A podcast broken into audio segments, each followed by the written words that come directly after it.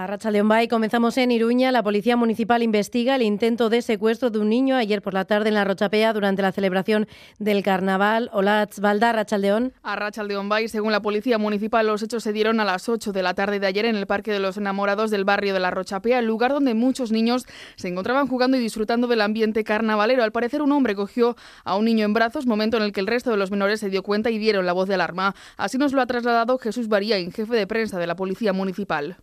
Cogido a un niño en brazos y pretendía llevárselo. El resto de niños que estaba alrededor le, le abucheó, le dijo que lo dejara. y Ya se generó un poco de revuelo en la zona.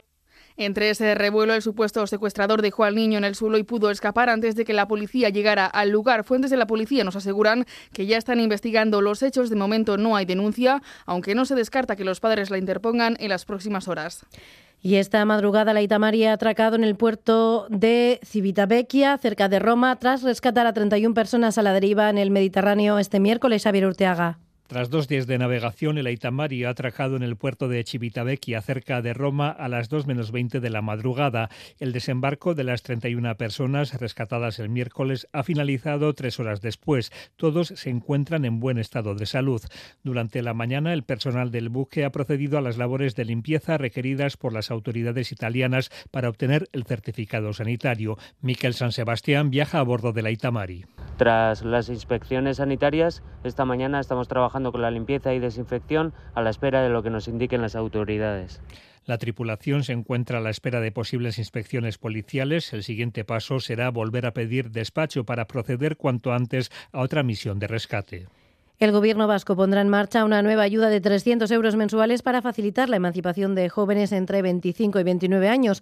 Una ayuda que se concretará en 2024. Este ha sido uno de los temas del Parlamento en las ondas de este sábado. Los partidos del Ejecutivo afirman que esta ayuda será parte de más medidas en apoyo a la emancipación, mientras la oposición califica el anuncio de electoralista Lier Puente una ayuda a largo plazo que vendrá acompañada de más medidas. Aitor Urrutia, PNV, Alberto Alonso, PSE. Esto no es una medida coyuntural en este momento y campaña se acabó. No, no, esto necesita mantenerse en el, en el tiempo porque tiene unas derivadas sociales y demográficas. Esto no puede ser una cuestión coyuntural, sino que es claramente una cuestión estructural. Una tardía emancipación supone un descenso de la natalidad, está el envejecimiento pero para la oposición la ayuda se queda corta. Nerea Cortajarena, EH Bildu, Íñigo Martínez, El Carrequín Podemos IU. La medida se anuncia ayer, pero la puesta en marcha es para el 2024. Es que está haciendo algo en materia de emancipación porque los resultados cantan. Queda lejos de eso, de lo que puede ser una renta de emancipación y queda coja ante los datos de precariedad juvenil. Más críticos aún para Pepe Ciudadanos y Vox, esta ayuda es una limosna. José Manuel Gil, Amaya Martínez. Estamos en contra de todo tipo de paguitas, subvenciones y limosnas públicas. Lo que debemos es darles cañas y no regalarles los peces, porque creo que se está eliminando día a día la cultura del esfuerzo y se está aplicando la cultura de la subvención. La oposición considera que es un anuncio electoralista a 100 días de las elecciones. Al igual que el consejero de Economía y Hacienda, Pedro Azpiazu, el PNV espera que no prospere el recurso de Cuchabanca al impuesto extraordinario a la banca. Para los partidos de izquierdas es tiempo de que los bancos arrimen el hombro y sean solidarios con la ciudadanía. Por su parte, Pepe Ciudadanos considera que el impuesto está mal diseñado y Vox reclama saber a dónde iría el dinero recaudado. Escuchamos en orden a Hitor Urrutia PNV, Nerea Cortajarena y H. Bildu, Alberto Alonso PSE, Íñigo Martínez del Carrequín Podemos IU, José Manuel Gil, Pepe Ciudadanos y Amaya Martínez de Vox.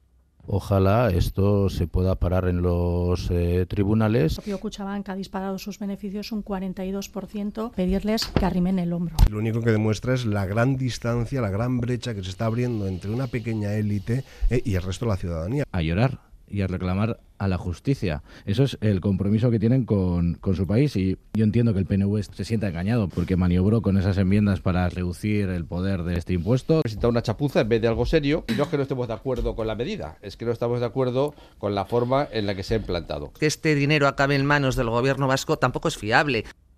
Hoy además también ha habido actos de precampaña de todos los partidos. Eder Carrero, Arrachaldeón. Arrachaldeón, sí, en Donostia el PNV ha presentado las candidaturas a las juntas generales e Ider Mendoza, candidata a diputada general en Guipúzcoa, habla de estabilidad. Egonkortasun politikoa daukagu lurraldean, egonkortasun instituzionala daukagu lurraldean, eta oztopoak oztopo eta izan ditugu asmatu egin dugulako. En el audio, la candidata a diputada general de Euskal Herria Bildu en Álava, Eva López de Arroyave, denuncia el desmantelamiento de la sanidad pública en Euskadi. Herri honek ez du propaganda eta komunikazio estrategiarik behar, miseria horik estaltzeko. Lidergo berriak eta erantzun sendo eta eraginkorrak behar ditu jendearen bizi baldintzak hobetzeko. El Carrequín Podemos Esqueranitza IU presenta Vizcaya Marchan, una ruta para escuchar a la ciudadanía en los municipios. Queremos estar presentes en todo el territorio, recorrer todo el territorio, escuchar, hablar con la gente poner cara a los problemas y conocer de primera mano cuáles son las necesidades de cada una de las comarcas. El Partido Socialista de Euskadi defiende en Guipúzcoa los avances en términos de sostenibilidad en el territorio, tal y como ha destacado José Ignacio Asensio, candidato socialista, diputado general. También en Guipúzcoa el Partido Popular ha querido denunciar la falta de seguridad en las calles. Borja Corominas, candidato a la alcaldía de Donostia. Nosotros proponemos asumir que hay un problema de seguridad. Dos, prestigiar a nuestras policías, policía municipal y Erchaña. Tres, dotarlas de los recursos humanos y recursos materiales suficientes para hacer bien su trabajo. Una falta de seguridad que, según PP, conlleva la pérdida de oportunidades. Mientras tanto, Pedro Sánchez ha anunciado que el Gobierno dará 200 millones de euros de ayuda universal a estudiantes con discapacidad. Madrid y Sarobaza, Rachaldeón. A León Bay se trata de una ayuda universal de 400 euros que beneficiará a más de 250.000 estudiantes con discapacidad. Además, el Consejo de Ministros el próximo martes también aprobará la mayor partida de becas para estudiantes, 200.500 millones de euros que irán destinados a un millón de estudiantes. El objetivo es garantizar la igualdad de oportunidades de todos los estudiantes. Pedro Sánchez. Y vamos a garantizar la igualdad de oportunidad, vivan donde vivan nuestros jóvenes, para los que lo necesitan no las becas para los ricos que hacen en otros gobiernos autonómicos, para los que lo necesitan. En este último año la inversión en política de becas ha aumentado un 18%. Sin embargo, en palabras del presidente, el gobierno de coalición ha incrementado su presupuesto en becas en mil millones de euros durante esta legislatura, un 70% de recursos más en comparación con el último gobierno del PP.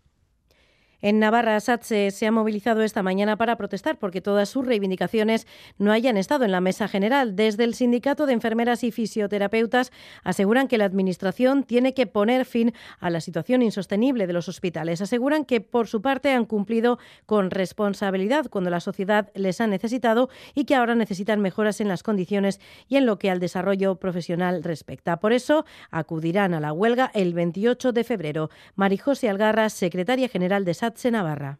Después de que el director de salud en mesa, en mesa general no ha cumplido el incluir las propuestas de la profesión enfermera, anunciamos que convocamos una huelga para el día 28 de febrero de toda la enfermería y fisioterapia.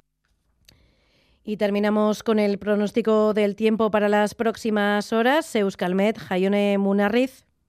Caixo León durante la tarde seguirá luciendo el sol, el cielo se mantendrá prácticamente despejado y las eh, primeras horas de la tarde van a ser eh, casi primaverales, con valores que rondarán los 20 grados en muchas localidades eh, del norte. Eso sí, en la costa irá entrando una ligera brisa y en la mitad sur las más serán algo más suaves. el domingo el cielo estará a ratos bastante nuboso en el norte, sobre todo por la tarde, sin descartar que en algún punto se produzca algo de shirimiri. También va a ser notable el descenso de las temperaturas más máximas en esta zona con valores que se van a quedar eh, sobre los 14 o 15 grados. A la mitad del sur también llegará algo de nubosidad, aunque seguirán predominando los claros y las máximas se mantendrán en valores similares a los de hoy.